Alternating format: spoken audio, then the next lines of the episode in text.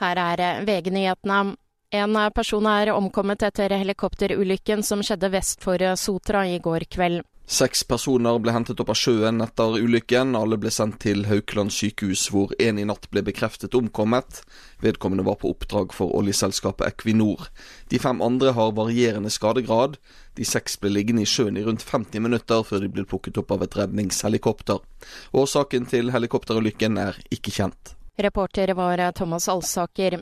Høyesterett i USA sier den skal vurdere om tidligere president Donald Trump har immunitet mot straffeforfølgelse for valgpåvirkning. Det er ventet at en avgjørelse vil komme innen utgangen av juni.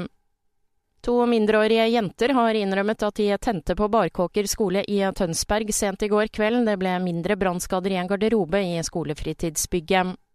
En livredd dame ringte i natt til politiet etter å ha funnet en fremmed mann i stua si i Skien i Telemark. Mannen som kvinnen aldri hadde sett før, sov i en stol. Ambulanse kom til stedet og fikk den svært berusede mannen av gårde. I studio, Kristin Strand, nyhetene får du alltid på VG.